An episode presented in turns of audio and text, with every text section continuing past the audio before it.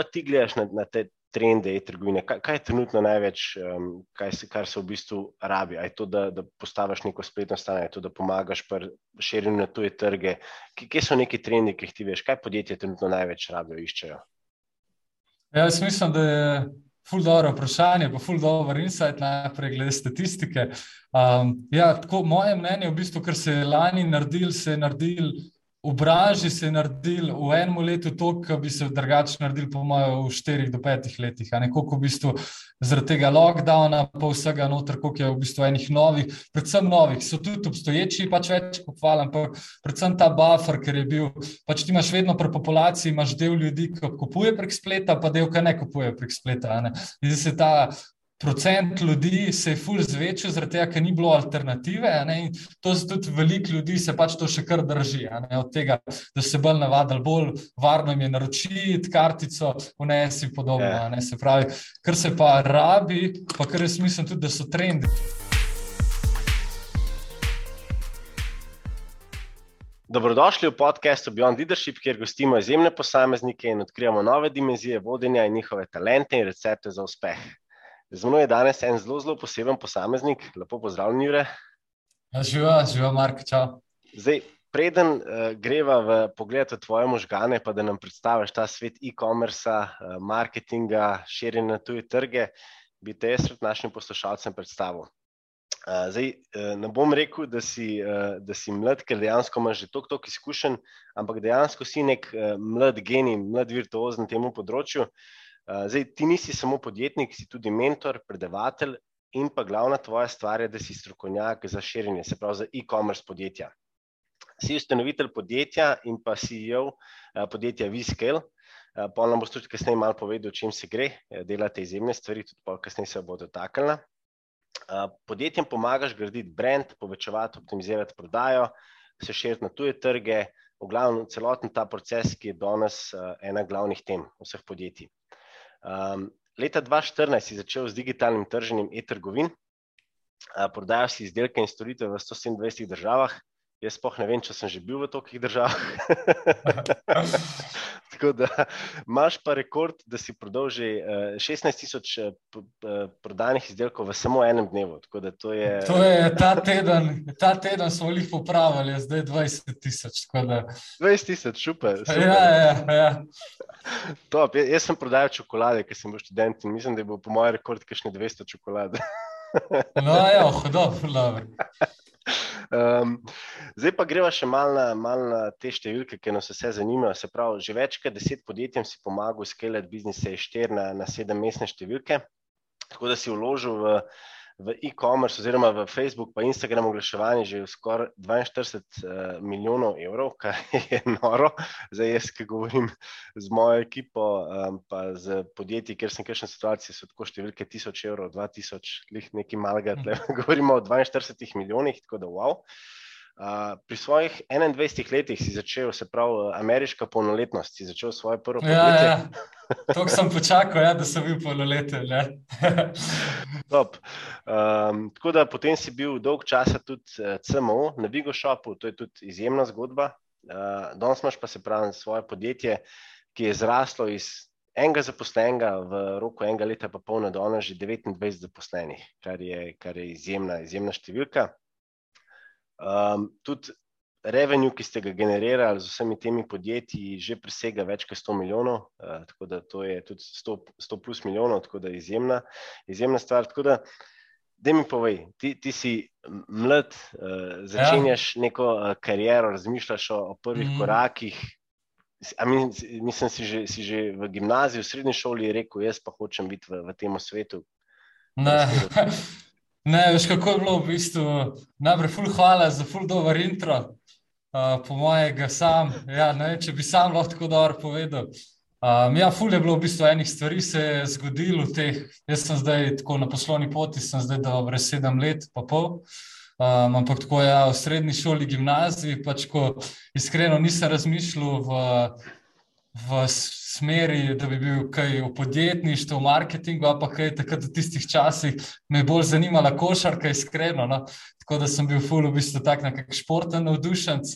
se je velika, tako kot se zdaj pogovarjam s temi, um, tako ne vem, iz Masterminda, ki se pogovarjam tudi s kršem, je ful velika ta nekakšna ta usporednica s tem, da je veliko tistih ljudi, ki se pa navdušijo nad marketingom, podjetništvom, pa to, da imajo tudi eno športno ozadje. No, tako da meni se mi zdi, da je bilo tisto, da sem dobil en tisti disciplino, ekipen duh, noter, en leadership pri tem noter. Tako ti se mi zdi, da je bil pa en povod, pa te nesnosti sem dobil pri tem, da bi si želel pač.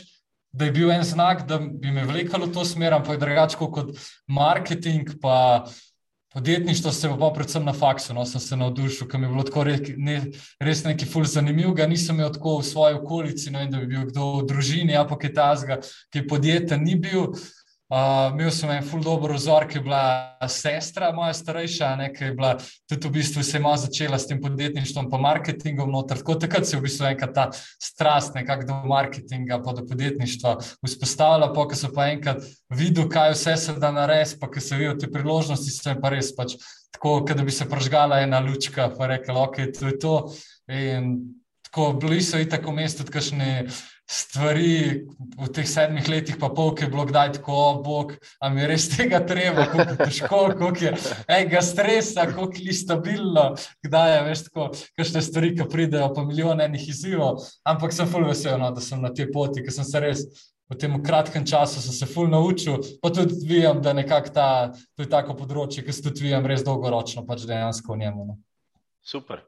Deva se malo dotakniti uh, teh izjemnih številk, se pravi, budžeta, ki, ja. ki se pravi, da si ti že nekako uh, spendil v imenu podjetij približno 42 milijonov uh, evrov za razne oglaševanja. Zdaj, jaz, ja. ki nisem v tem poslu, um, ki se pogovarjam vem, s kakšnimi uh, kolegi, ki imajo podjetja, pa se pogovarjamo o zneskih, kot so 1000 evrov ali pa ne vem, 5000. Ja. Kako prideš iz tega, da v bistvu neko podjetje, ne, ne da prepričaš, ampak dejansko, da, da jih vodiš v tej smeri, da pridejo iz 100 evrov, 1000, 10, 100 milijonov, ja. 10 milijonov budžeta. Ja. Zdaj nam malo razloži to zgodbo. Ta... Ja, itak, ja, z veseljem. Um, zdi se mi, da na začetku je ful pomemben mindset od vodstva, oziroma pač ljudje, ki dejansko vlagajo v to. Ker če bodo ljudje gledali to kot en nujen strošek, ne, da je to nekaj, kar dajo in manj, kar dajo, boljše je za podjetje noter bo problem. Če pa podjetje gleda dejansko to kot investicijo v rast, noter pa to, da dobiš še ne podatke, pa da je to lahko profitabilno, je pa pač čist drugačna stvar. In usporedno s tem, se pravi, da ni to strošek, ampak investicija, je ful pomembno zdaj, da ne rečemo, ok, investicija bomo kar metal, pa bomo kar bo bo, je ful pomembno vedno, da so pač ene metrike v zadnje, ne se pravi, eni kazalniki profitabilnosti oziroma eni targeti do revenue, kam si želimo prijeti, ker zdaj jaz jaz osebno, če bi jaz prav vse spendil, nisem, ne se pravi, to so podjetja, vložili yeah. v to in pač ekipa, ki sem jih jaz vodil, smo upravljali s tem budžetom. In pač to, je, to so podjetja, ki so tudi začela pač z manjšimi investicijami. To ni zdaj, mi nismo delali s kakšnimi podjetji, ki bi imeli bolano velike ne, investicije v zadnje, ne pa bi rekel, nam je sam važen revenue, pač mi smo vse bootstrapali. Se pravi, to so bili začetni proračuni, so bili običajno vem, 20, 50, 100 evrov na dan, ki je ta zga, ampak je zaradi tega ker so vlato podjetja, ki so digital first ne, in pač razumejo to, da je to nekako pot, da dejansko dobiš pač en traction na marketu, ne, se pravi, da, dobiš, da lahko ustvariš en prihodek ne, in potem v zadnji imaš matematiko, ki gledaš, ok, če vložim ne, 500 evrov, za koliko moram prodati, da bo stvar profitabilna. Ne. Se pravi, da je v zadnji so eni kazalniki in s tem si pol daš um, nekakšne metrike, da veš, ok, ja se splača več uložiti, je treba optimizirati noter, je treba iti na drug kanal. In pa na podlagi tega ne, je v bistvu vedno naloga, ok, kako short term delati na tem, da delaš čim večjo maso naročil, s tem, da si profitabilen. Običajno je tak mindset pri tem e-commerceu, da ni zdaj, ok, na vsak nakup hočem biti čim bolj profitabilen, ker v bistvu običajno pač podjetja je fajn, da imajo te metrike, pa si določijo pač profitabilnost, ki lahko pri e-commerceu se ponovadi ta profitabilnost uh, giblje nekje med vem, 7 do 15 odstotkov, da imaš pol ibita noter in da je pač ukalkuliran to noter in vidiš pol, ok, kaj so metrike za profitabilnost in na podlagi tega se odločaš naprej. In vedno je pol, imaš ene so infoprodukti, ki ni stoka v zadnji, pa imaš fizične produkte, ki je stok v zadnji, dobava noter in se po planiranju na podlagi tega se naredi. In pa je v bistvu to Ko imaš ti enkrat postavljen ta ground, ne, da vidiš, da okay, je to investicija, kje so kazalniki uspešnosti noter, komu lahko prodajam, kje so ciljni marketi, imam dosti veliko ciljno publiko, noter se lahko to začne odvijati. Ne, in pol je primer, ko podjetje lahko zraste vem, od tega do vlaga od 5000 evrov na 30 tisoč evrov na enem marketu, ok, grem na nov market kako naprej. In pa v bistvu step by step pri tem naredi. In pri enih projektih se to ful hitreje dogaja in lahko tudi več investiraš v to, ampak vedno je metrika profitabilnosti v zadnji. Pa seveda, da obstaja roba, ki lahko pošljajo, nekaj drugačnega nima smisla. In pol tudi gledati na drugi strani, se pa na enkrat naredi ta preskok iz tega, da gledaš iz performansa, se pravi iz sales, da potem tudi si narediš ta nekako območje, da lahko tudi se pozicioniraš kot dolgoročno, kot blagovna znamka ne, na trgu. To je pa itak pol ena investicija, ki je dodatno od tega, ne, noter, tako da zaradi tega pol prihaja do takšnih zneskov, ampak v večino mi, v večini primerov je ta čisti sales, da je dobičkonosno, ampak meni je ful bilo zanimivo, ker sem recimo obiskal Facebook pisarne, so mi povedali, recimo v tistem času je bil največji spender, na Facebooku je bil Wish, ki je investiral 2 milijona na dan. dan in okay. posebej so ok. Ja. Se pravi, je neki, neki je že prostora, še za rastanje. Tako da, fulje v tem, no, da imaš metrike, manjce, da, so, da je matematika v zadnji noter, pa da je potem res, pa se gre pa, pa pametno, premišljeno pol vlagati v to. Ker lahko je pa tudi, lahko pa tudi 10-20 ur, lahko strošek na investicije, ne, če pač ni pametno izkoriščen. Nora. Deva se, deva se še dotakniti, ker me fuz zanima, ker imaš ogromen, uh, ogromen successful um, primerov, ki, ki ti je res rad, ki ste v bistvu razvili izjemno zgodbo. Pa me zanima, kako, kako se v bistvu lotite tega. Se pravi, recimo, da imaš neko podjetje, ima nek izdelek, kako sploh pripravite tega. Ker vem, da to je toliko ogromen nekega eh, dela, ogromen nekega usklajevanja, tako da si že menil ta groundwork. Da nam samo piš, kako se sploh lotite ene take stvari. Jaz pridem do vas mm. in kaj, kaj potem sledi. Ja, um, najprej običajno pač je čisto pogovor o samih ciljih.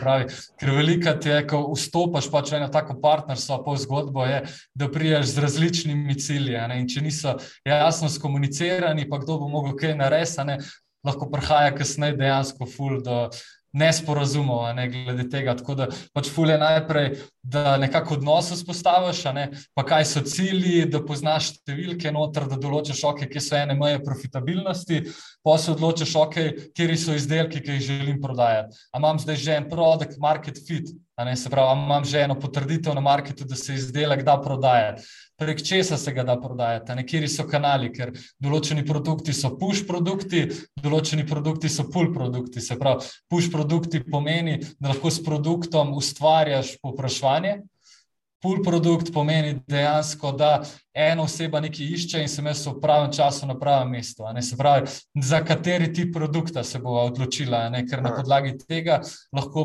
vidimo, okay, kje kanali se dejansko uporabljajo, okay, kje je market, kje je market, ki ga želimo prodajati. Recimo, ok, ima produkt in bo prodajala v Sloveniji. Okay? Kdo je ciljna skupina, so moški, ženske. Ne? Če ne vemo, okay? ne vemo, bomo testirali, bomo ugotovili, kdo je ciljna skupina. Kateri so benefiti produkta? Ne? Zato, ker običajno v tem svetu digitalnega marketinga, v spletne prodaje, ljudje ne kupujejo featurejev, a produktov, ampak kupujejo benefite. Ne? Se pravi, kaj je tiste psihološke komponente, ki bo pripričale dejansko v nakup. Polje, kje je mesto, ki bo prodajala, bo prodajala preko svoje spletne strani, bo kakšne marketplace delala, aj to naj fizična trgovina noter. Tako to se mi zdi, da so ene take osnovne stvari, ki jih postaviš, ne, da se odločiš, kaj boš prodajal, komu boš prodajal, kako boš prodajal. Kako bo vedela, je uspešno ali ni uspešno noter, kaže tudi mogoče kapacitete. Nekaj običajno je tako, mi, ki začnemo sodelovanje, Je tako, recimo, da dva do tri mesece je tako ena spoznavna faza, da vidimo, kaj se da narediti. In je lahko eno ali drugo stvar, je ful presenečenje. Ne? Lahko mi recimo, planiramo, da bo ful boost, pa ni, ali pa recimo ful prime, pa ni dosti zaloge. Tako da čisto ena tako nekakšno spoznavanje, da vidiš, kaj so pričakovanja, kaj bomo prodajali, kje bomo prodajali, kako bomo prodajali prek česa bomo spremljali rezultate, kdo bo, ne vem, kera logistična firma bo dostavila. Tako da pač par stvari je, ki jih je treba urediti, zato da se izdelek lahko recimo pošle, noter pa, pa iz tega greš naprej. Pa, pa višji kot si, bolj napredno dejansko greš delati. Ampak tako mogoče kot nekako za razumevanje, tako osnovni setup, se mi zdi pa, da je to. No. Wow, super. Ja, zdaj se nam da v bistvu res zelo, zelo lepo pogled, da je ogromno stvari, ki jih je treba definirati. Top.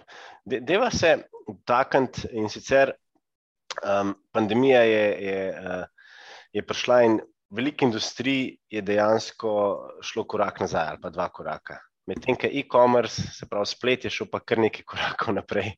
Ja. In, uh, jaz sem tudi pogledal par podatkov in sicer zdaj v, v letu 2020 je bilo nekako uh, e-trgovina predstavljala nekje 4,2 trilijone dolarjev globalno in nekje 18% vsega retaila, kar se prodaja, predstavlja e-trgovina. Pa me zanima, kako pa ti gledaš na, na te trende e-trgovine? Kaj, kaj je trenutno največ, um, se, kar se v bistvu rabi? Je to, da, da postaviš neko spletno stran, je to, da pomagaš pri širjenju na tuje trge? Kje so neki trendi, ki jih ti veš? Kaj podjetje trenutno največ rabijo, iščejo? Ja, jaz mislim, da je ful dobro vprašanje, pa ful dobro insight najprej glede statistike.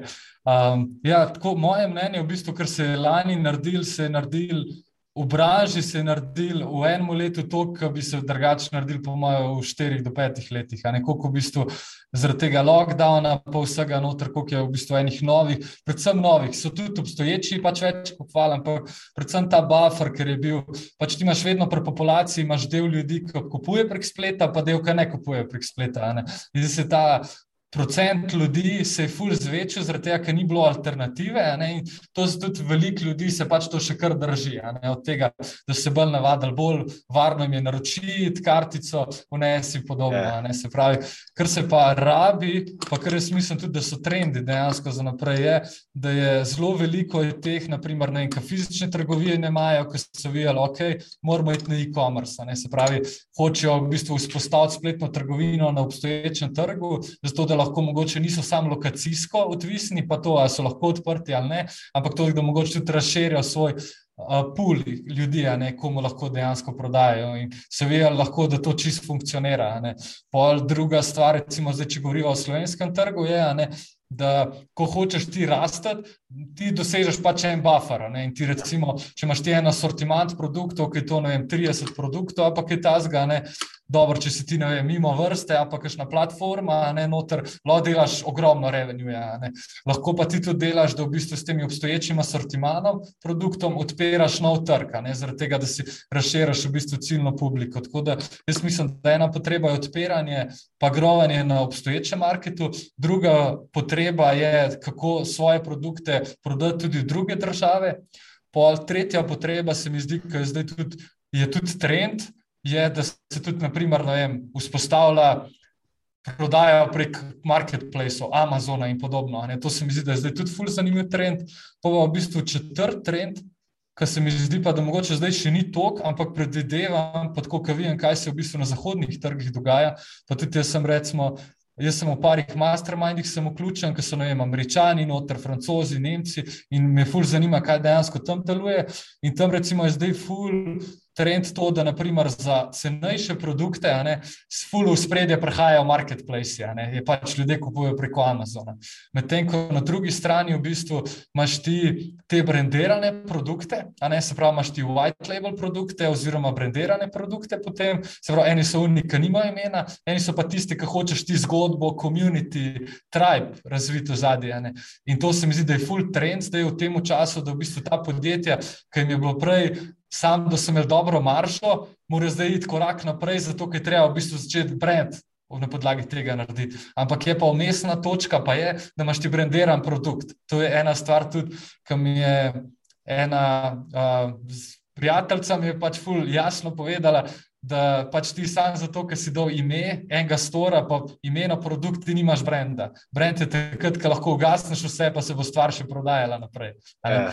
In Um, se mi zdi, da zdaj tudi ta trend dejansko, da se naredi to, da imajo podjetja, pa tudi e-commerce trgovci, da so tudi videli, da dejansko bo ful pomembno, kakšno zgodbo, kakšno, kakšno kvaliteto produktov boš imel, da se boš ti tudi ukvarjal s temi obstoječimi kupci. Tako to se mi zdi, da so eni taki glavni trendi, ki so zdaj najbolj v porastu. Hvala, noro. De, deva, jaz bi te rad malo challenge. In sicer ti si strokovnjak, za, ti, ti si strokovnjak za e-commerce. In res obvladaš, poznaš, uh, kako prijeti na tuje trge, veš, na, na kakšne karte gre, da bom jaz skupaj izdelki in vsi ostali. Um, se pravi, a ti lahko se že najdu kakšen izdelek, ki si pa rekel, tega pa ne morem prodati. Ali lahko dejansko lahko vsak izdelek s pravo uh, strategijo pripeleš na, na nek vrhunc? Um, pač jaz mislim, da se da vse prodajati prek e-commerce, sam uh, ne trdim pa, da jaz, da jaz znam prodajati vse prek e-commerce. Um, pač se mi zdi, da je to ful odvisen tudi od osebnih preferenc, kaj te zanima, kje področje so ti bolj ja. blizu noter, ker vidim dejansko tudi z ekipo, ki dela, ne, Ful je odvisen od tega, kako ekipa verjame v projekt, pa kako jo zanima, kako bo dejansko eh, projekt uspešen. Zato, ker če bi do meni nekaj tazja, ki me ne zanima, bi ti lahko mogoče slabše naredil, kot bi sam naredil.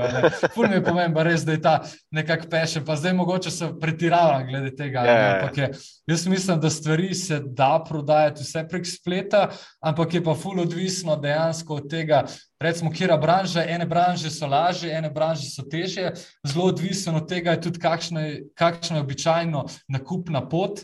Ne, zato, ker za določene stvari, ki so draže, pa se ljudje dalj časa odločajo, je, um, ne je mogoče skoraj mast, da je tudi naprimer, fizičen stik vmes, pa da se gre v trgovino pogledati, pa kaj ja. ta zgane.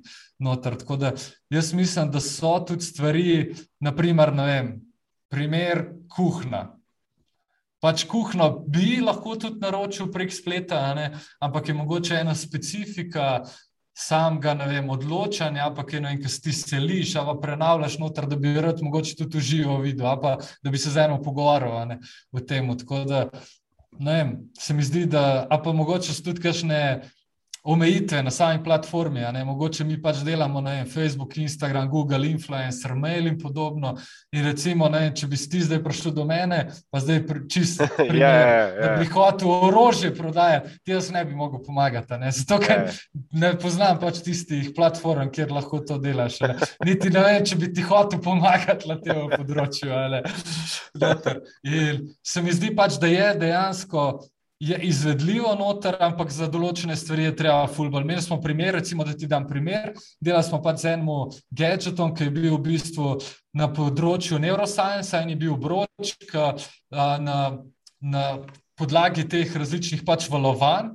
Ti v bistvu v, s pomočjo vibracij v možgane sprošča pač različne valove, ki pa vplivajo na koncentracijo, spanje, meditiraš lahko s tem. In to je produkt, ki pač, ga vidiš, si takoj skeptičen.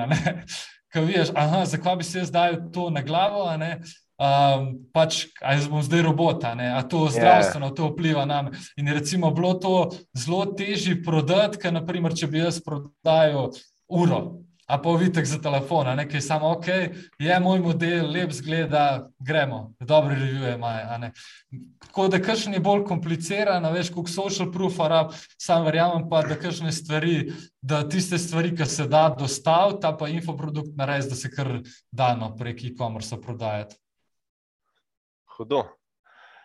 Zdaj, podjetništvo je, je zelo zanimivo. Jaz sem tudi podjetje, um, bilo nas je pet founderjev, že kar nekaj let nazaj, in nažalost, ko imaš enkrat pet founderjev, pride do, pride do mehke ekipe za košarko, ne se hecam, v glavnem. In, uh, in vem, da, da, da rabiš kar, kar nekaj časa, in tebi je v bistvu praktično v letu pa pol razvel, uspel razviti ekipo iz, iz enega zaposlenega na skoraj 30 zaposlenih.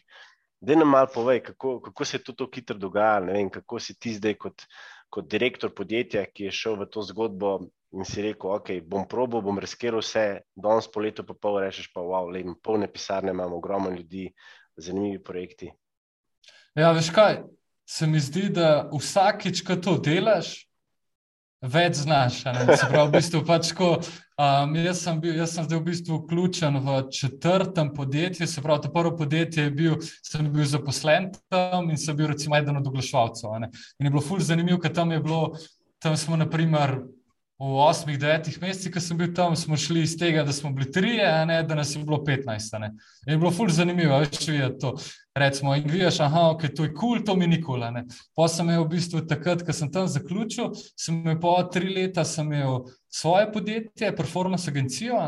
In je bilo tudi, se mi zdi, da na koncu smo imeli tudi 15-16 ljudi. In je bilo tudi ful dobro, veš, zanimivo. Vem, na začetku, ok, najprej sploh kako funkcionira, kaj imaš ti, ki si ti kao na svoje, ne pa ti delaš yeah. Ja. vse, pol ti ok, zdaj pa en pride, kam mu dati, no, sploh za delati, kaj bi bilo tisto, ki bi meni pomagal, po kako ga on borda, kako sploh hajati, kako izbrati. Um, pol, ne vem, pol je bilo po teh treh letih sem šel takrat delati na HS, je tudi ful dobro izkušnja. Um, jaz sem najprej tam se nekaj cajt kot zunanji delo, pa sem šel v bistvu tudi kot in-house delati in sem bil tam vodja marketinga, ampak v bistvu jaz, ko sem prišel, ni bilo marketing oddelka. In sem jaz v bistvu zgradil marketing oddelek, poleg tega sem bil pa še dosti vključen tudi v ostale, v ostale branše ne, oziroma ostale oddelke, ki se je razvijala. Um, zato, ker je bila tako majhna ekipa, ne, da se je videl. In tam na koncu je bilo, takrat, ko sem jaz bil, je bilo ured s temi zunanjimi, je bilo vem, 170, pa 200 folka, ne, je bilo vse upleteni. Tudi v marketing oddelku, unga, ki sem jaz vodil, je bilo skupaj 33 ljudi. Ne, in je full stvari, je bilo dobrih, full stvari je bilo tudi slabih. Yeah. Ja. In je bilo tudi zdaj, ko sem v bistvu prvi skalo, ko sem začel postavljati, ne, recimo tako tipična moja napaka je bilo v prejšnji firmi, ki sem bil, ne, bilo, pač ni bilo middle managementa. Ne. Pač katastrofa, 33 ljudi in pač ti moraš komunicirati z vsemi, ker itak ne gre. Ne. Yeah, ja, yeah. Ja. Sam jaz takrat, ne, jaz sem bil takrat tako trmast, vem, kva, da nisem hotel za pomoč, kva, da se bom sam, se, sam gremo, se nam gre, veš, in je bilo to problema je bilo full pol, ok, se pravi, treba je narediti strukturo. In smo mi že tudi, recimo, zdaj v Iskelu, smo full hitro začeli strukturo delati. In smo tudi full hitro smo si najdel mentorje, naprimer, ne? imamo mentorje, imamo v bistvu nam pomagajo eni zunani, ki je um, ena punca, dva sta, ki imamo tako prav vikli, veš, z njimi delajo, ena punca, ki je v bistvu placo v eni firmi, ki je imela 90 zaposlenih, ki so 90 na v bistvu ekipo veliko, ki so bili vsi na remote in je bilo full dobro, veš, ki je bila full močna v strukturi. Na drugi strani je bil pa um, ta moški, ki pa je, on je pa v bistvu 18 let delal na H&M-u in je bil v bistvu full v vodstvenih vlogah tam. Ne? In je department, ki ga je imel on čez, noter je bilo 2000 ljudi in je mogel full v bistvu ta strategic thinking pa to delati. In je full challenge glede tega. Poleg tega pa še network zraven, nekaj imam, so tudi ljudje, ki so tako full na različnih, ne eni delajo, ne vem, 5 milijonov, 10 milijonov, imam enega, ne vem, kazan smo se spoznali z enim, ki, ki je vodja marketinga v podjetju, ki dela 700 milijonov ne, na leto. In vidiš, kakšno strukturo ima in sem full. In zdaj v Iskelu sem fu rekel, ok, ne bom probil sam pogruntati, ampak bom probil pač se pogovarjati z ljudmi, najeti ljudi, zato ti pomaga pri tej strukturi. In ful pomaga, ful je lažje dejansko buildati to, noter ful pa to tudi pomaga, ker smo začeli delati vem, na tem, da imamo vizijo, da imamo, mm. viz, da imamo misijo, vrednote noter, kaj si želimo, da se ful dane kulturo v podjetju noter. In je pol tudi ne bom rekel, da je lahko raste, ampak je lažje raste, kot če nimaš recimo, teh stvari narejenih. No, in pač tudi. Um, Vem, se mi zdi, da pač enkrat, ko greš, pa kafejlaš noter, pač greš pa bolj samozavestno v naslednjo zgodbo. Pač jaz zdaj vem, da tudi tiste stvari, ki ne vem, bom pač poiskal mentorje, pa tudi iskal bomo pač izkušene ljudi. Ko v prejšnjem podjetju sem imel full tak mindset, ne, pač sej, sam da pride, da smo mi fit, se bo že naučil. In gre, zato, za določene pozicije to gre, za določene pozicije pa to ne gre. Ne? Zato, ker ti kakšnega področja, ne, jaz določenega področja ne poznam ne? in rabim nekoga, ki je izkušen, da bo lahko tisti department postavil v podjetju. Yeah. Ja, ja. In to se mi zdi, no, da so to ene take ključne stvari. Mogoče sem malo predolgo razložil, ampak kako gledam na to. Ne? ne, super, super. Jaz ti moram povedati, tudi jaz, ki sem uh, bil še malo mlajši, sem bil zelo tak, nam rekel avtokrat, ampak vsaka stvar me je razjezila. in, in pol veš tekom karijere rasteš. Jaz bi rekel, da danes. Če me kdo vpraša, kaj je vodenje, bi rekel, da je to grajenje razmeri med ljudmi. Veš, da nekako samo mm. vzpostavljaš razmerja. In, in me zanima tvoj pogled. Jaz, jaz sem zelo rad, ko si postavljam različne ekipe, mi je zelo pomembno zaupanje.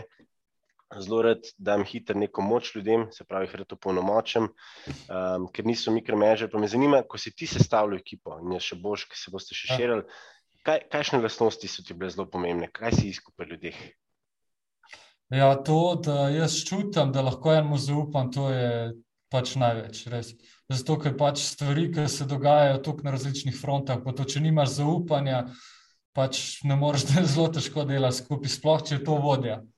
Če je to dejansko vodja, ki vodi druge ljudi noter, pač moraš zaupati. No, tako da pač eno je, vem, da to zaupanje pač gradiš, ne noter, pri tem pa eno spoznavanje, ampak pač eno je ful, se mi zdi, ker je meni pomembno po intuiciji, kako mislim, da bo ta oseba pač fitu v podjetje, po kulturo, ki jo imamo. Pa ne samo to, kar je iz danes, ki imamo kulturo, ampak tudi kako mislim, da se bo kultura razvijala ne, v naslednje leto. Mm. Zato, ker pač to, kar imamo danes najverjetneje pač ne bo dost, naslednje leto bomo mogli pač full step up, bomo standarde mm. mogli više postaviti, bomo bi, mo, bo, boljši v komunikaciji, boljši v project managementu, boljši v planiranju noter.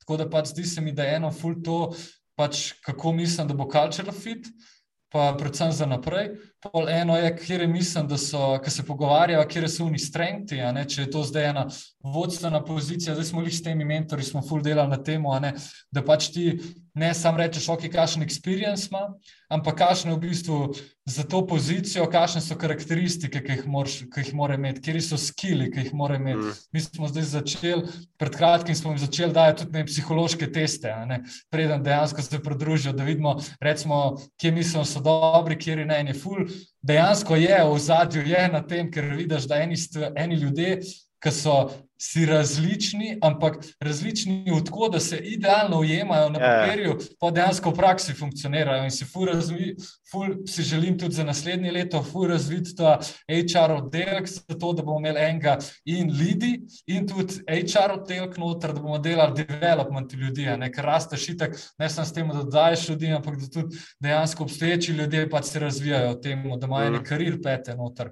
Tako to se mi zdi fulena taka želja po te rasti tudi, pa ne samo pač v biznisu, pa številkah, tudi kot osebnostni rasti noter, pa ena taka želja tudi po nekakšnem temu ekipnem delu. No. To so nekakšne take karakteristike, ki jih jaz ponavadi gledam, se pa pol dosti hitro vidno, kdaj so, vem, na razgovoru se vidi, kdaj je pol, ki dela se z eno osebo dva, tri mesece, kaj najbolj tako vidiš ti, ki pol enkrat, ki dela skupaj, pa je ena težka situacija, kako ena oseba odreagira. Takrat se mi ja. zdi, da pač spoznaš, kako ti bo s to osebo delati. Da mi poveš, jaz sem skozi um, že, že ogromen zagovornik um, inovacij in tudi celo kariero dejansko že delam v poslovnem razvoju, v inovacijah. Pa me zanima, koliko si lahko na e-commerce inovativen? Moraš biti, drugače ne moreš obstajati. Ja. Če, če kle nisi inovativen, padeš, pač kle stagnirati ne moreš pač klej skozi tisto, kar je lani delovalo, letos ne bo dosti. Tako da skozi treba. Pač, pa to odvisno, kako se zdaj razlagaš. Še inovacija je lahko nekaj, da je čist drugače, spremenitev poslovnega modela, nov kanal. Ne. Je pa tudi kreativnost, pa inovativnost znotraj obstoječih delovnih procesov. Ne.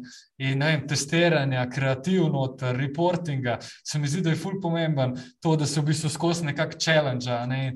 Tako nekako meni je bil skozi gol, pa tudi to imamo tudi en od komitmentov, ki imamo znotraj podjetja, je, da v bistvu ustvarjaš pač kot eno igrišče ne, za, za vse osebe, da je v bistvu culture tak, ker se spodbuja to, da se testira noter, da probujemo nove stvari, da se razvija noter, da ni strah pred ful velikimi napakami, ampak je ta zga noter. To se mi zdi, da je ful pomembno. No, in zdi se mi, da če nimaš tega, da si želiš pač dejansko biti inovativen, probavati novih stvari, da, da se delati noter, sam definitivno ne izkoriščaš celotnega potencijala.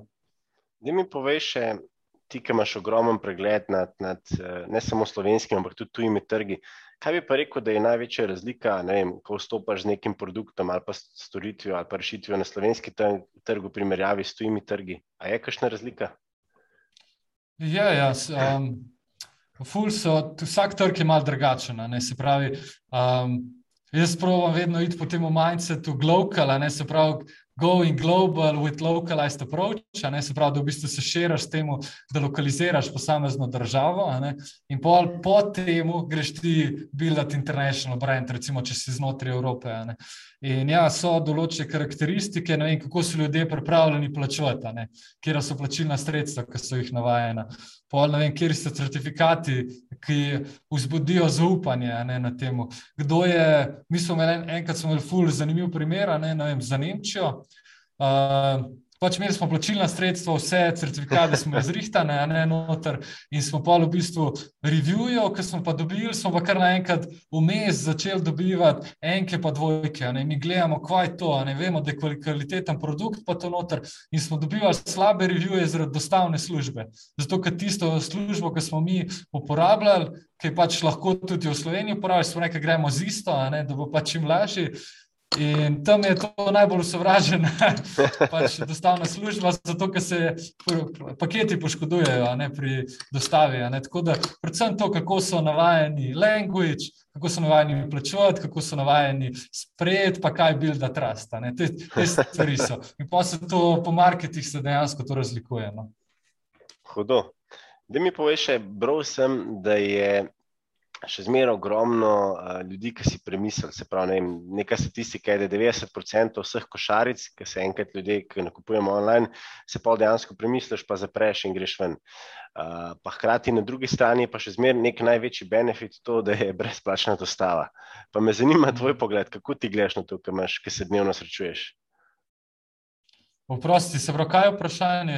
Ne, me, ne, zanima me v bistvu, kaj ti, ki targetiraš ne, različne trge, uh, Probate ja. izpostavljati kakšne akcije, so to ne vem, uh, upsell ne vem, da kakšne produkte, pro, pro, produkte skupaj date, a je še zmeraj ta brezplačna dostava, ker neka statistika je, da brezplačna dostava je še zmeraj nekako ta glaven ta, uh, bom rekel, trigger, da ljudje kupimo produkt. Pa me zanima tvoje mnenje.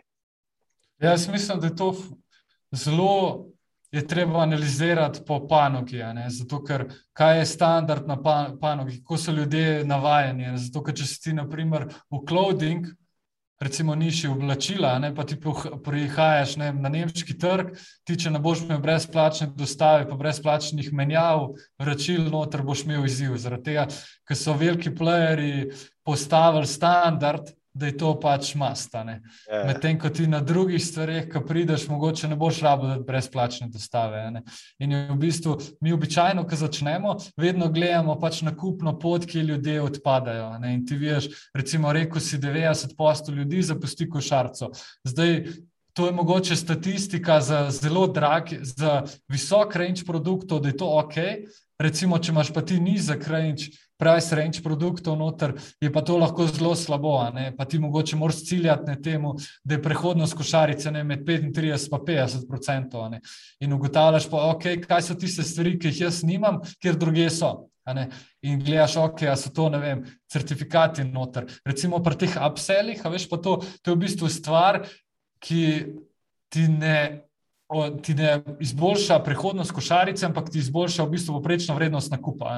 In če imaš ti recimo izziv s tem, da imaš nizko um, vrednost, poprečno vrednost nakupa, in recimo zaradi tega, ker je trg to konkurenčen, noter, ali pa kaj tasga, da imaš visoke stroške oglaševanja, nisi profitabilen, iz tega, ok, a bom jaz zdaj naredil en paket produktov, a bom jaz upselil nekaj tasga. Veš, to, je, to so različni izzivi, ki imaš. En izziv je prihodnost košarice, eno izziv je to, koliko ljudi sploh prije do košarice, en izziv je, koliko je poprečna vrednost nakupa noter. Tako temu se posrečuješ in so ene, so eni general na sveti, kaj se lahko naredi v teh primerih, noter brezplačna dostava, pa to definitivno pomaga. Ne? Ampak ja, to čist case by case, treba dejansko pogledati. No? Iz kje se dejansko, kje ljudje odpadajo. To je zelo pomembno. Kot mi, ki štartamo novo državo, pa nov projekt, smo vedno najprej pozorni na te metrike. Zato, ker za lažje razumevanje, ne, oglaševanje je izložba, pač spletna trgovina je fizična trgovina. Ne? In ti znotraj fizične trgovine, tudi recimo unik. Poslušate to, pa imate fizične trgovine, veste, da je psihologija, ki je, ki je postavljena. In veš, pač, kam boš kaj postavil noter, da bo najbolj učinkovito. Ne? In tako je tudi na spletni trgovini. Gledaš, koliko ljudi prije do košare, kjeri produkti se jim najbolj pokažejo, kakšni so vem, paketi, kakšne so akcijske ponudbe noter. In pa so v zadnji eni čist psihološki triggeri, ne, akcija, brezplačna dostava, paketi, um, kaj še, kaj še kaj ta zgradem, garancija, take stvari, veš, pa vplivajo po na varnost. In pokažne branže zahtevajo ful več varnosti kot ostale. Tudi price range produkta bo ful uh, vplival na to, koliko recimo tega trasta, pa koliko teh enih agresivnih, agresivnih ali pa trust stvari moraš dati dejansko. Noro. Ne vas še dotakniti, ker me zelo zanima, kaj bi pa rekel, da je bil nek ključen projekt ali pa en uspeh, ki ga lahko deliš, ki je bilo pa tako, kot ste pa le, tako kot si prej izpostavil 20 tisoč izdelkov na dan. Kaj bo kakšna taka stvar, ki ti je pa rekel, wow, to je pa noro. Ja, to je to, kar si rekel. Ti ne malo piš, če lahko deliš, če lahko deliš kakšno informacijo. Ja, ja pač to je, to mi je zelo zanimivo, recimo, um, Pa če sem začel, ne, jaz nisem toliko delal v tem brendiranem svetu. Ne, bilo bolj to, da imaš kitajske produkti, dobra marža, zato da lahko čim več daš v marketing, pa šopa. Ja, in pač sem vesel, da sem šel čez to, zaradi tega, ker iz temu sem se naučil veliko delati z visokimi budžeti, nimam strahu pred budžeti noter, veš, kako se narediti, tehnično znanje si s tem izpostaviš. In se mi zdi, da je bilo to zelo dobro in tudi to, da vidiš, kaj se lahko naredi. Spletom je wow, ne, da ti lahko narediš ne, v parih letih podjetje, ki dela 40-50 milijonov, ne, iz tega, da prej delaš v garaži doma, pa če je noro. Včasih je to večina podjetij, ki je to, to dosegla, je rabljeno veliko več časa. Tudi pro, je tudi pri e-commerce, tudi e-commerce ni zdaj čarobna palčka, tudi pri e-commerce večino e-commerce fejla. In fejla v smislu, da ne morejo res uno prebiti visoke številke. Prostor je tudi za manjše playerje, ne noter, ampak tista podjetja, ki delajo 50-100 milijonov, jih je izjemno malo. Mm. In recimo ta wow efekt se mi je zgodil, ker smo zdaj v bistvu znotraj WeScale, smo se namenoma smo se odločili, da bomo delali samo z brendiranimi kvalitetnimi produkti. In smo To je bil v bistvu za me en ful pozitiven challenge, zato ker jaz pred tega sveta nisem poznal. Ne? In sem se ful učil na tem, delu kurse, se pogovarjal z ljudmi, bral članke noter, se network delo, ki mi je bilo to vedno ful zanimivo, ne? da nisem tisti kaj je direktno iz oglasa noter, pa kaj se naredi, kad ti enkrat ustvariš ljudi, ki so zadovoljni s tvojimi produkti in ti v bistvu community buildaš. In retention, pač to, koliko ljudi se dejansko vrača k tebi, in tudi, ko imaš ti kakšno akcijo, kaj se da narediti, noter s tem, to se mi zdi, da je unvow efekt.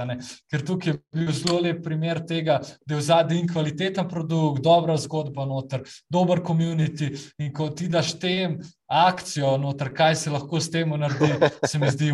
Ne? In tudi tako, ne vem, kaj bereš pač o teh, recimo, ki so tudi dosti mlada podjetja, ki so na 5-7 let stara, e-commerce podjetja, pa delajo na 50-100 milijonov, pa gor noter. Ker ti vidiš, da v bistvu imajo vseeno to stično točno kot tega zgodbe, dobrega produkta, širjenja na marketih noter. To se mi zdi, da je un wow efekt, ki vidiš ok, pač nekaj delamo prav. Ne? Tudi vsi stvari, ki so te daily challenge, tisti projekti, ki so na holdu, pa to noter, polk, ker malo pozabiš na vse to, ki veš, kaj se naredi, pa motivacijo, da ti da tudi za naprej. Ker veš, ok, to je zdaj par držav, kaj pa če mi zdaj delamo pet let na tem. Kaj lahko naredimo iz tega? In se mi zdi, da je to res en tak wow efekt. No. Pa, pa kaj vidiš, tudi, ko se pogovarjaš s kršem, ki je tudi bil na tej točki, pa pokaj vse je naredil, a veš, naredil lahko podjetje, ki dela, ne vem, ki s tistim prijateljem, ki se pogovarjal, ki dela, ne vem, 700 milijonov, ne, v sedmih, osmih letih na marketu, e-commerce, only. Ja, ja, ja. To se mi zdi, da so ne wow stvari. Deva se dotakniti, se pravi, zdaj si direktor in imaš 30 zaposlenih, skoraj 30 zaposlenih. Kako bi rekel, da se je tekom tvoje kariere, tvoj stil vodenja, od tega, kar si rekel, da si bil, prvi, da si bil prvič oglaševalec v eni agenciji, pa si svoje podjetje odprl, potem si šel v Vigo Shop, kjer si vodil, zdaj imaš spet svoje podjetje, ki raste nenormalno. Kako se je tvoj stil vodenja, pa tvoj način uh, spremenil? Ja, ful. Najprej je bilo, še prej sem v bistvu pač vodja postal, je bilo ful težna. Pač jaz iskreno, jaz si ful hotel dokazati pač v tem. Zato, ker jaz, tist, jaz sem full tak, jaz sem full. Ful sem tekmovalen, tudi ker sem delal psihološki test, je bila v bistvu tekmovalnost na prvem mestu, ampak ne samo z drugimi, tudi sam s sabo. Pač. In sem se ful hotel dokazati, ne, da, v bistvu, da lahko sploh pač nekaj naredim. Ne. In mi je bilo to prva ura, ok, pač, a bom sposoben to, ne, da si prispevke plačam, nekaj zaslužiš od tega, da si dober. Pol ne vem, ko smo začeli ki smo začeli še oglaševati, počneš tekmovati z drugimi agencijami, pa z in-house ekipo, ne, da tiste premagaš, varianta. Ne. In se mi zdi, da tudi v prvem podjetju, ki sem bil, ne bi rekel, sem sploh bil dejansko tako vodja, sem bil bolj tako ekspert, ki je tudi pomagal drugim, da se učijo stvari. No. Nisem imel tiste vloge, tudi operativno sem full delo stvari, še vseeno oglaševanja. Tako zdi se mi, da v bistvu tako moja. Pot kot vodja se je v bistvu začela šele v, potem, ko sem bil v drugem podjetju, na HSU, kjer sem bil CMO, kjer je pa bilo dejansko buildanje noter, delegiranje dela. In takrat sem imel full tak način vodenja, da sem full hotel biti vse informiran, pa vključen da mi je bilo, bilo to. Kaj da, bi, da ne bi mogel če čisti iz tiste operative, pa veš, yeah. Ja. eksperta noter. In je bilo ful glede tega. So pa stvari ful zanimale tudi glede vodenja noter, ampak je preprosto, ker se nisem sam pa vse podločil, da si želim biti pač res ful dober vodja in se želim to 40 let pač na področju vodenja skozi razvijati ker me je bolj mogoče to zanimalo, bolj ta ekspertiza. Noter pač bi rekel, da je ena par stvari ni bilo optimalnih narejena. In zdaj, po, po sem ful razmišljal o tem, tudi ko tam, ko smo se tam rašli, sem ful takrat štiri mesece. V bistvu sem sam delal in je bil ful tak šok, je bil, kad ti enkrat imaš ekipo 30 ljudi, pa si pa štiri mesece sam. Ali? In se potem nekaj začel freelancati, in se potem stvari, ki so drugi delali, sem sam. In se pa prav rekel, ok, kakšen vodja bi si želel biti. In se pa, ker smo tudi mentori, veš pa to najel, ne so fultko, ok, kje so sploh skili, kaj rabimo. Zdaj jaz za vodja, če hočem biti vodja v e-scale, pa če zdaj ne morem biti najboljši v e-mail marketingu, influencer marketingu, yeah. Facebooku, pač ne morem biti. Ne. Zato morajo biti ljudje, ne za to. In se mi zdi, da zdaj v bistvu ful nekako drugače dojemam pač samo vodenje tega, ker rezultate ustvarja ekipa. Ne. Pač ti pa v bistvu pač moja, moja naloga je, pač, da skrbim za to, da vemo, kam gremo, da se sestavlja ekipa, da se dobro počutijo, da imajo dejansko podporo okoli tega noter. Ni zdaj to, da bi jaz mogel njim navodila dajati, se vključen strateško še kje, če potrebujejo. Ampak dejansko se mi zdi, da je zdaj ful bolj to dojemam, da pač moja naloga je, da skozi pripravljam dejansko pač to okolje za rast samega podjetja, rast števila zaposlenih, rast tudi vsakega posameznika, da se dela sisteme. Ampak ni nujno, da jaz. To, ampak samo to, da je to v bistvu moja naloga, da skrbim za to, da tudi ena delegira, ampak je ena oseba, ki je zadolžena za to. Pa tudi, da se pogovarjam z ljudmi o tem, okay, če hočemo, ne vem, desetkrat više, če hočemo imeti na mestu ni zdaj, zdaj, ni mi, zdaj mi imamo 30, 29 člansko ekipo, pač 18 jih je full time, ostali so part time, ki so projektno noter. Zdaj, če mi hočemo iti z revenjem krat 10, ampak krat 5, koliko ljudi bomo rabili, kakšne procese bomo rabili, kaj bomo naredili, da bomo lahko interni ljudje, da bomo imeli možnost kariernega razvoja. To, to zdaj gledam full bolj okoli teh stvari in se mi zdi, da zdaj kot Wiskel, da sem se kot vodja začel razvijati. Prej se mi zdi, da sem bolj nolič razvijal, zdaj pa se mi zdi, da se kot vodja razvijam. No. Super, zelo mi je všeč ki si izpostavil, da veliko vlagaš v smislu, da imaš mentorja, da se veliko na, na tem področju učiš. Pa me zanima, imaš ti tudi, ti si tudi mentor podjetjem, startupom, pa me zanima, tle imaš mentorja, ki v bistvu pomaga, gledaj, imaš ti kot, kot kot Jurek, kakšnega svojega mentorja, s katerim se ne vem, dobiš, pa, pa brainstormaš, ali pa več mentorjev. Aha, se pravi, jaz kot jaz posameznik. Ja, kot ti kot posameznik, če imaš tudi kakšnega ja. mentorja. Ja, imam. Uh, se pravi, imam mentorja, se pravi, tako uno, zdaj v bistvu iščem še enega. Tako prav mentorja, čisto hardcore biznis, da bi imel dejansko, oziroma pač koča, da bi mi pač pomagal tudi pri tem noter. Tako zdaj v bistvu jaz veliko knowledge dobim iz tega, da se pogovarjam znotraj uh, masterminda, v katerem sem vključen, noter, tako je res. Ker hardcore mastermind je noter, pač ko res so ljudje, ki so že nekaj naredili. Da nam to malo razloži, da bojo sploh vedeli, ja. najni poslušalci, kaj je to mastermind. Ja, um, tako da v bistvu pač mastermind, to je v bistvu pač pri nas imamo skupina ljudi, ki smo na podobni misiji, oziroma um, ki smo v svetu, ne vem, mi smo tako, da imamo podjetništvo, marketing, e-commerce, pač prepleteno vse to in smo ljudje, ki smo, eni smo približno na istem stage, eni so full višji, eni so nižji, ampak smo kot skupina in si pač pomagamo med sabo. Se pravi, mi nismo, da bi bili skupaj v fermi noter, ampak se vem, tedensko, dvotedensko se pogovarjamo o izzivih, ciljih, imamo vem, workshope, ki se pogovarjamo, ok, zdaj se bomo pogovarjali o strukturi podjetja ne, in se pogovarjamo o strukturi podjetja. Kako sem to dobil do tega? Je bilo, da sem se dejansko začel povezovati z ljudmi, od katerih sem poslušal podcaste in pa so me ti ljudje kar povezali naprej. In pa smo v bistvu s tem, ko bi smo tvorili ta mastermind. Tako da zdaj trenutno je veliko tega mastermind, pa zdi se mi, da mentorstvo.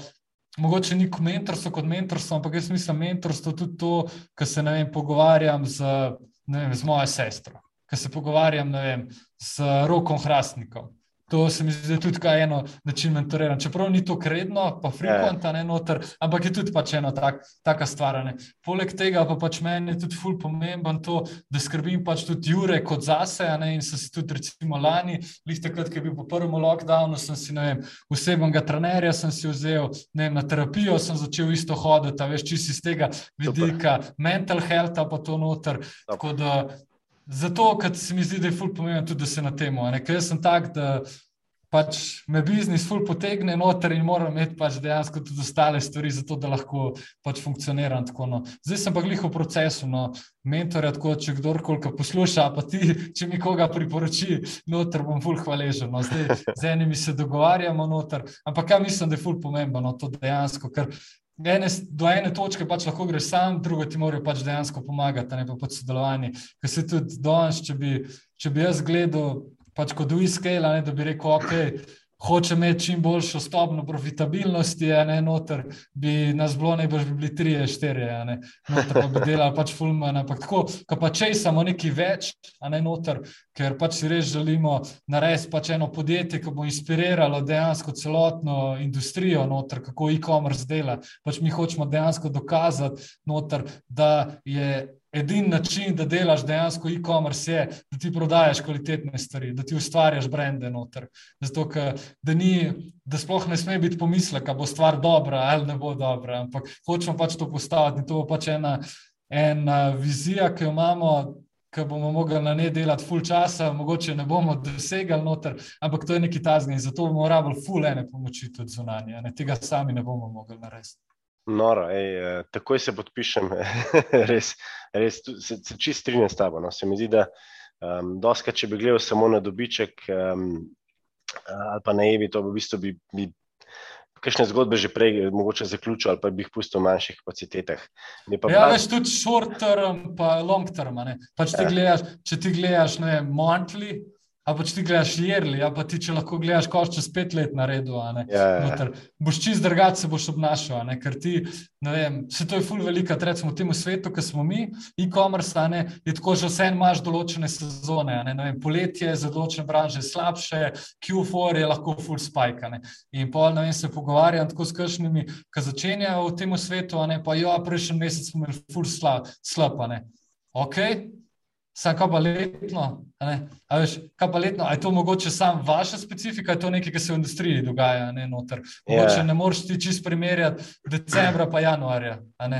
Ni, mogoče ni fair, ni relevanten, ne noter. Mogoče rabiš kakšno dodatno metriko, pri temu. In tudi, ne vem, tudi razmišljati, zdaj tudi s temi mentori ful delamo na to, veš, da tudi del, ok, kaj je investicija za naprej, ali bomo kakšen department odprli, ali bomo kakšnega naročnika vzeli, zaradi tega, ker mislimo, če investiramo zdaj vem, tri mesece, pol leta vanga noter, je lahko to vem, podjetje, ki dela 10 milijonov plusa. Tako, tako se mi zdi, da je ful to dolgoročno razmišljanje, ker jaz tega prej ful nisem imel. Jaz sem to zdaj v bistvu. Um, dobil, ker na začetku mi je bila ful ta finančna varnost, da imam pač en denar noter in pokaj se enkrat to naredil, Ko imaš to, se mi zdi, da ti pol tudi odpre ta long-term thinking. Veš, fulka, če ja, ja. si v bistvu dobička, pa kaj tasga, ampak če si v bistvu pač neki ful več. Ne? Top, ne se čistrim in tudi, tudi ful mi je všeč, no, da, da, da tako razmišljaš. Se vidi, da, da imate zelo izjemno prihodnost. Tudi, tudi jaz moram reči, no, sem, zelo, sem zelo fokusiran in na, na mental health, na physical health, tudi jaz imam coacha, tudi imam uh, fitness trenerja. Tako da um, mi je zelo pomembno, veš, da jaz, jaz mir gledam na, na nek posel, mogoče tudi na, na kar šport. Veš, moraš biti, moraš biti skozi aktiven, skozi imati tekmovalnosti, skozi timsko, timski spirit. No. Tako da mi je ful všeč. Um, peva, peva še malo v, v e-commerce svet in me zanima tvoj pogled na ta omničena. Se pravi, da, da imaš, pa če nam je v bistvu, da nam. Deva se, se postaviti v kožo enega, ki v bistvu ne ve, kaj je to omničeno, pa nam predstavlja vse, kaj, kaj to je. Ja, se pravi, um, mogoče bo tako najlažje za razumevanje. Se pravi, običajno podjetja štartajo z enim kanalom. Ne, se pravi, rečejo, da bi prodajali prek spleta in si izberejo en kanal, prek katerega bi prodajali prek spleta. Včasih je bil to, ne vem pet, deset let nazaj, recimo, je bil full Google. To. Zdaj večina se odloča na Facebook, Instagram, ponovno običajno začne. Ne? In takrat si ti v bistvu single channel podjetje. Ne? In pol, kasneje v zgodbi, zaradi tega, ker ti vidiš, ok, se pravi, s Facebookom dobim to, ne, na Googlu pa nimam pokriča, vsem so pa ljudje, ki iščejo tudi mene, ne, in jih zdaj ne, ne zadanem z oglasi. Recimo, in pol ti začneš odpirati nove kanale. In v bistvu ta multi-channel dejansko ti naredi to, da povežeš različne digitalne kanale med sabo. Noter in imaš ti Facebook, lahko Google, TikTok, YouTube. Bla, bla, email marketing, SMS, Viber, WhatsApp, lohi, fulih je lohane. In kasnejši, v bistvu, zdaj je prej bil tako, da velika si lahko štartu z enim kanalom. Jaz še kar verjamem, da lahko z enim do dvema, do tremi kanali. Se pravi, jaz običajno, če bi rekel enemu, da štarta, bi rekel Facebook nared, Google nared, pa email marketing pokri. Zato, ker email marketing ni plačljiv in ti bo poskrbel za visoko dobičkonosnost, Google ti bo pokril tiste srči izraze, Facebook, Instagram, za moje pojme, še kar najboljši za to, da ustvarjaš dement. In pa v bistvu prijaš dejansko do ene točke, ki podjetje je toliko prisotno na trgu, da imaš ti opcijo, ok, a bomo mi zdaj dodajali še full širok range produktov, pa bomo mi da everything store, ne, zato da bomo večja revenue, ali pa bomo dodali še fizične trgovine zraven. Mm. In takrat se pa pol v bistvu zgodi to, da imaš ti lahko in fizične trgovine in online, ampak to je, to ni kateri, nekateri tako že štartajo, full sploh tisti, recimo, ki so najprej v physical store, pa zdaj e-commerce odpirajo in gledajo, pa, okay, kaj nam prinese spletna trgovina, kaj je fizična trgovina. Drugače pa moje priporočilo za tiste, ki greste vse e-commerce noter, gledajte vedno kot celoto, zaradi tega, ker stvari, ki se zdaj na marketu dogajajo, na ravni platform, s Facebookom, s privacy policyjem, iOS-om noter, je, da bomo izgubili kot oglaševalci, izgubimo del trackinga, se pravi del merjenja in tisti stvar, ki je bila prej največji benefit digitalnega marketinga, merljivost. Zdaj, mogoče ni več 100%, že prej ni bila 100% merljiva, Ampak a, zdaj, mogoče pa zdaj ne bo več tako merljiva, kot je bila. Ne? In je fulj pomembno, da tudi vi razumete celotno sliko. Tako da tisto, kar je, ne vem, jaz tudi, ko se pogovarjam z našim vodjem projekta, strategij noter, pač vaša dožnost je, da smo mi na ravni projekta profitabilni. In pol tisto, ki skrbi za posamezen kanal, ima določene metrike noter. Ampak fajn je, da delate na tem, da celotna stvar skupaj funkcionira. Se pravi, da ni zdaj ok, ne samo kako bomo optimizirali zdaj Facebook kanal, ampak kako bomo v bistvu mogoče poskrbeli, da se bo več kupcev lahko vračalo k nam. Ali bomo hmm. zdaj prek, prek maila, SMS, SMS-a, letakov, karkoli, pač kako bomo z njimi komunicirali, bomo pravili, da je to eno Facebook grupo. Um, Zaradi tega, da si povečate, kot običajno pač imaš to logiko, ne, da pač bolj kot je zvesta stranka, večji lifetime value, več je pripravljena na namen za te noter. Pol je tudi, ne vem, ali s Facebookom, ali pa ne vem, z Googlom, pokrijem celotno publiko. Ne, Mi smo zdaj, imamo pri določenih projektih, smo v teh fazih, ki smo znotraj marketa, smo zrastali, ne, že res ogromno. In recimo imamo zdaj delež teh returning customerjev, imamo že zelo visok. In to pomeni, da mi moramo zdaj iskati na drugih kanalih tudi nove barje, drugače bomo imeli, srednjeročno bomo imeli problem, zato ker ne bomo dobili več eh, ljudi. Ne, no, Tako da tukaj mogoče tako čisto razumevanje, upam, da sem približno dal tako eno sliko, no, zakaj, pa kdaj, pa kaj je to. No. Ne, si, jaz sem navdušen, no, ker vem, da, da je ta svet je res tako fascinanten in me, me zelo zanima tudi tvoj pogled. Zdaj, verjetno, ko vi začnete delati z nekim uh, novim partnerjem, z neko novo stranko, je to postopek, ki traja nekaj časa. Ne, pa nam malo pove, to traja ne, en par tednov, par mesecev, da dejansko se vidijo neki odzivi, ko jih primete v roko, ko začnete vse te lijake, ta ground postavljati. Koliko časa v bistvu to traja? No? Ker verjetno to ni čez noč. Ne, ni čez noč. Um, zelo, zelo pomembna informacija je, ali ima podjetje že ene podatke. Se pravi, a že ustvarja določen nivo re, revenue, ne zato, ker recimo, če ti zdaj priješ do mene, pa rečeš, imam klep produkt, nimam niti spletne trgovine, nič, bo zelo dolg časa trajal, kot pa nekdo, ki pride, ki mogoče dela 50-100 tisoč evrov na mesec. Yeah. Ja. Tako da zdaj za tiste, ki imajo že en traction na marketu, mi običajno pač damo tako, da rečemo, ok, dva do tri mesece, pravimo eno med spoznavno obdobje, tesno akcijo, kako koli se temu reče, zato da vidite, kaj lahko naredimo. Ne pomeni zdaj, da bomo en mesec pa pol neprofitabilni pa bomo pol provali zadnje 14 dni vas presenetiti, ampak dejansko se začne delati na projektu takoj.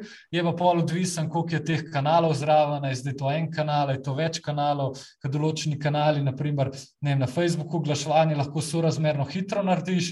Če ti hočeš zdaj, ne vem, da bi mi ustvarjali en kontent, email marketing, vse postavili noter, influencerji kontaktirali, je lahko to projekt, ki traja na mesec, pa pol, pa dva meseca. Ne. Zdaj glih v parih tednih z enim, z enim v bistvu podjetjem, ki je sicer tako je že zelo uveljavljeno podjetje, ima postavljene procese, postavljamo prav v bistvu novo čisto novo spletno trgovino, kjer smo mi tudi izbrali produkte, določili produkte in smo šli v eno partnerstvo, kjer mi poskrbimo za spletno stran, izbor produktov, vizuale, celoten marketing. Oni imajo čez operačne, vse ostalo, kar je vem, logistika, nabava, noter, IT, klicni center in podobno.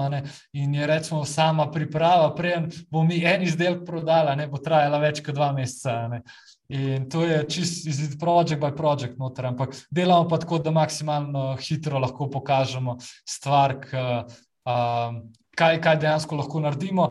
In že pa na začetku projekta pa probamo čim bolj realne expectations, kdaj lahko pričakujemo rezultate, kaj so targeti, pa to notrno. Tako da to nam je pač ful pomemben. Je pa kakšne stvari, ki prej, ki prvič delaš, pa itak, pač predcenaš, podcenaš, ampak si vsak projekt si bolj pameten. No, da mi opiš prvi trenutek, eh, ali pa mislim, prvič, ki si bil ti eh, v vlogi oglaševalca in si ne vem, zapravil prvih pet evrov, kaj, kako to zgleda, ne vem, ti v bistvu gledaš košarco, pa rečeš, wow, zdaj pa A, a bo teh 5 evrov, 10 evrov nekaj naredil, in pa, ko se prvič premakne, ja, ja. rečeš, smo, kako, kako to zgleda? To ja, to je bilo drugače, sloro.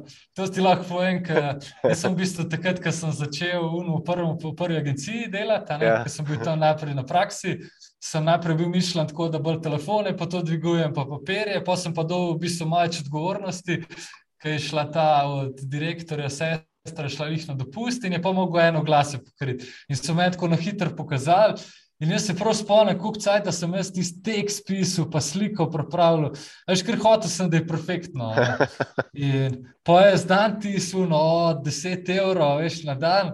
In pol je sprijem naslednji dan, in pol se fur spomnim, ki je un direktor tako un, jure, un tako reče.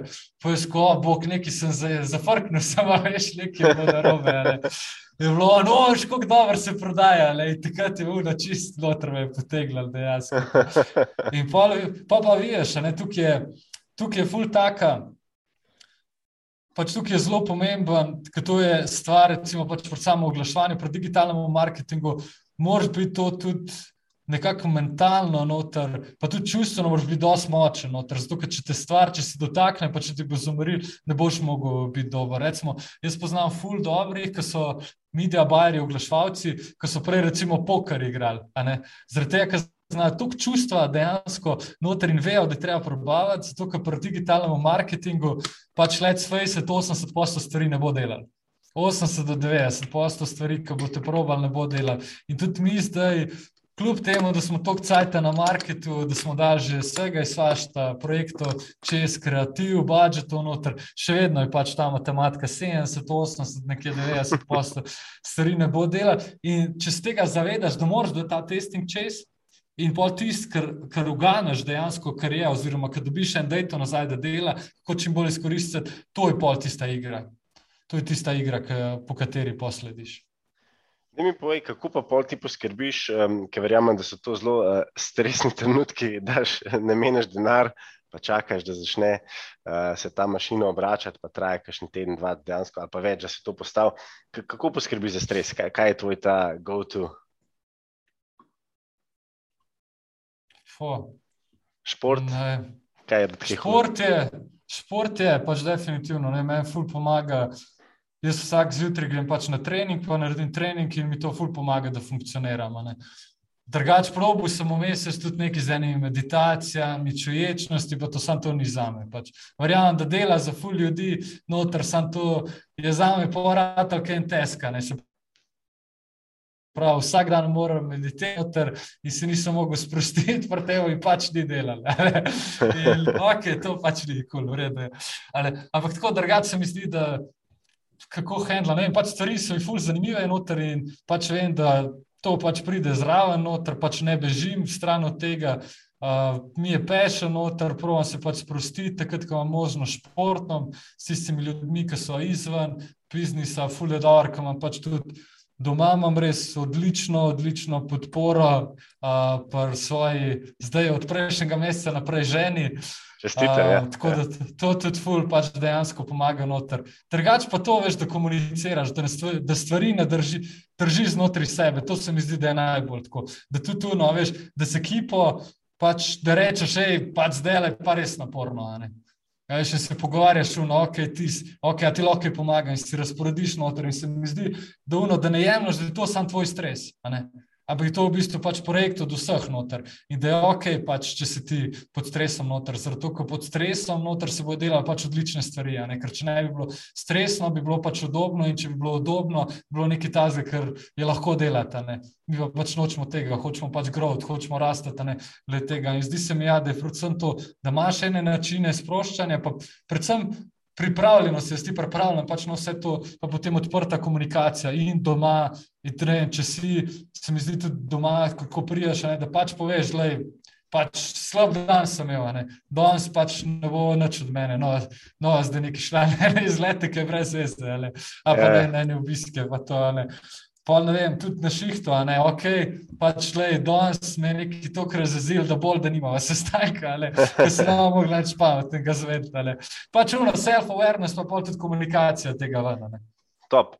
Zdaj, ne bom te rekel, kaj bo tvoj nasvet za ljudi, ki nimajo e-trgovin, ker vemo, da je to a must, eh, saj tisti, ki želijo razmišljati bolj resno. Bi te pa prosil, če podaš mogoče kakšen nasvet za ljudi, ki že imajo e-commerce. Eh, pa mogoče ne vejo, kako naprej, ali so nekje stak ali pa, ali pa nasploh.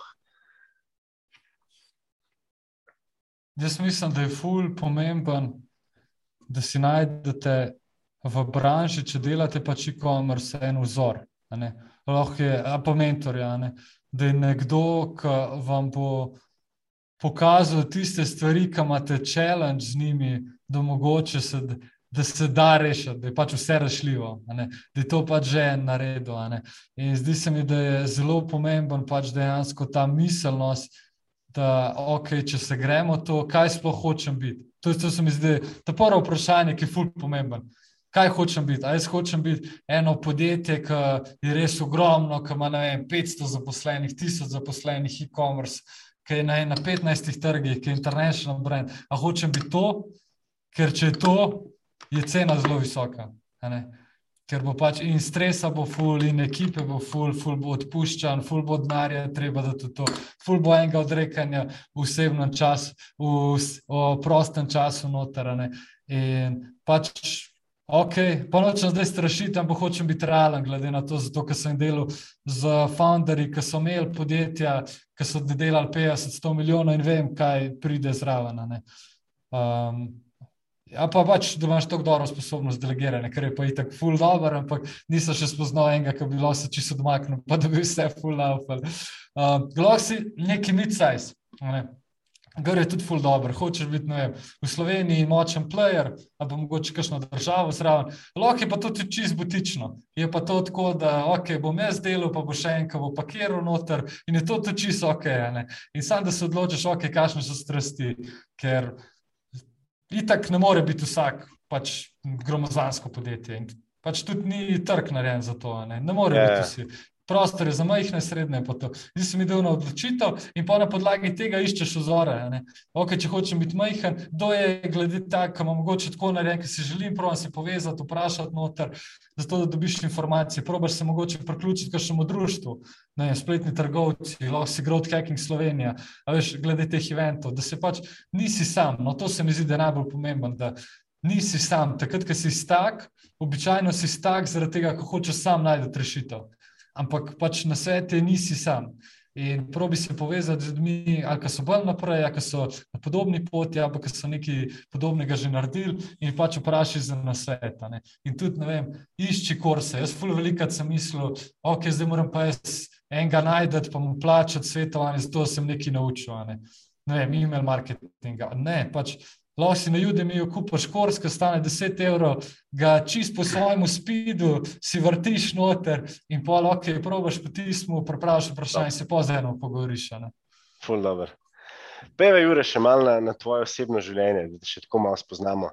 Ja. In sicer um, tvoja najserija je The Last Dance, um, najknjiga je Relentless, From Good to Great to Unstoppable. Da ne malo povej. Ja. Uh, Vse je s košarko povezano. Sploh ne vem, če je to osebno življenje, ampak zdi se mi, da je to bolj preplet vsega skupaj. No, tako da zdi se mi, da je to bolj integrirano z vsem skupaj. Jaz to nekako gledam, vse kot celoto. Da bi zdaj jaz rekel, da sem en ful, zabaven človek, ki ima v prostem času nekakšne hobi. Pač nisem. Ne. Jaz tudi v prostem času pač iščem tako nekako. Okay, kje se zabavam, tako ful se mi zdi, da je to fajn, da Mene ful veliko, da me matra to, pa to mi tudi v preteklosti, veš, kaj je. Ne vem, moraš iti na dopust, moraš meditirati, moraš delati jogo, moraš iti to. Ne? In pač najhuj, kar je bilo, je bilo to, da sem šel pod prisilo nekam. Ki je še slabše, da bi delal. Ja, ja, pa v bistvu si tam, vas nesreča, ni tako razmišljaš, kaj še vse zelo res, pa kaj je bedlo. Zdi se mi, da res ko ful ok, pač, ko se odločiš ne, za nekaj, greš pač nekaj narediti. In tudi, recimo, ne, ta The Last Dance, to je pač dokumentarc, recimo, ki je bil tiste zadnje sezone od Chicago Bullsov, uh, od Jordana, ne, ker meni je, jaz sem full v srednji šoli, pa to, ker sem odraščal, bil košarka, Michael Jordan, Kobe Bryant, pač so bili wow, so bili to pač glavni vzorniki, ne, moji in tudi, recimo, v povezavi s tem. Recimo ta knjiga, ki je The Relentless System, je v bistvu od osebnega trenerja od Michaela Jordana, pod Kobe Bryanta. In mi je zelo zanimivo, da je v bistvu od njihov mindset. In jaz se s tem mindsetom se v bistvu pač nekako ful povežem, ker je kdaj pač, ko, ko prihajaš mogoče z enih standardov, pa kaj je. Meni so ful velika to, jaz sem ful pogosto sem mislil, pač, da sem čuden, zato ker ne si ful želim delati noter, pa mi ni zdaj nekaj na dopustiti, pa pač mi je hudo, pa ne gledam na uro, kdaj grem domov, pa skozi si želim več, noter sem pač mislil, ok, pač vas se čudim, ostali so pa normalni. Ali. In pol pač mi je ful dobro, ker se take stvari gledam, ki je uno.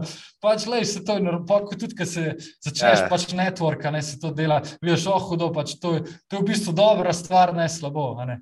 Tudi to, da sem jaz tekmovalen, mogoče za ene je to ful slabo, za me je to prednost.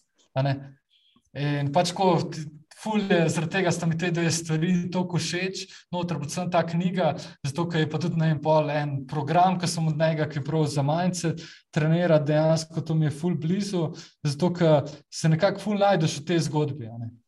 Top. Zdaj, najljubša hrana si izpostavil riž in piščanc, kar se strinjam. Ja, Klasika. ja, zakaj bi komplicirali? Zdaj, za uh, najljubši podjetnik pa Ben Francis, tudi uh, majica, ki jo imaš, je mislim, njegova, oziroma je njegov brand. Pa mi povej, kako, mislim, res, res da je naredil izjemno, izjemno zgodbo, ne, uh, iz Jim Sharka. Ja. Ti ga meni všeč? Jaz, ga, jaz sem ga v bistvu takrat začel spremljati, prej sem v Iskel začel. In zanimivo mi je, kako je v bistvu eni branži, ki je fully konkurenčna, po vsega tega, kako je v bistvu prek drugih čenalov, zgodbe, komunitija, tega, da, da, tudi tega, kako je bil na emin na sejmih, pa to, kako v bistvu zgradil pač eno res fully dobro podjetje. Ne?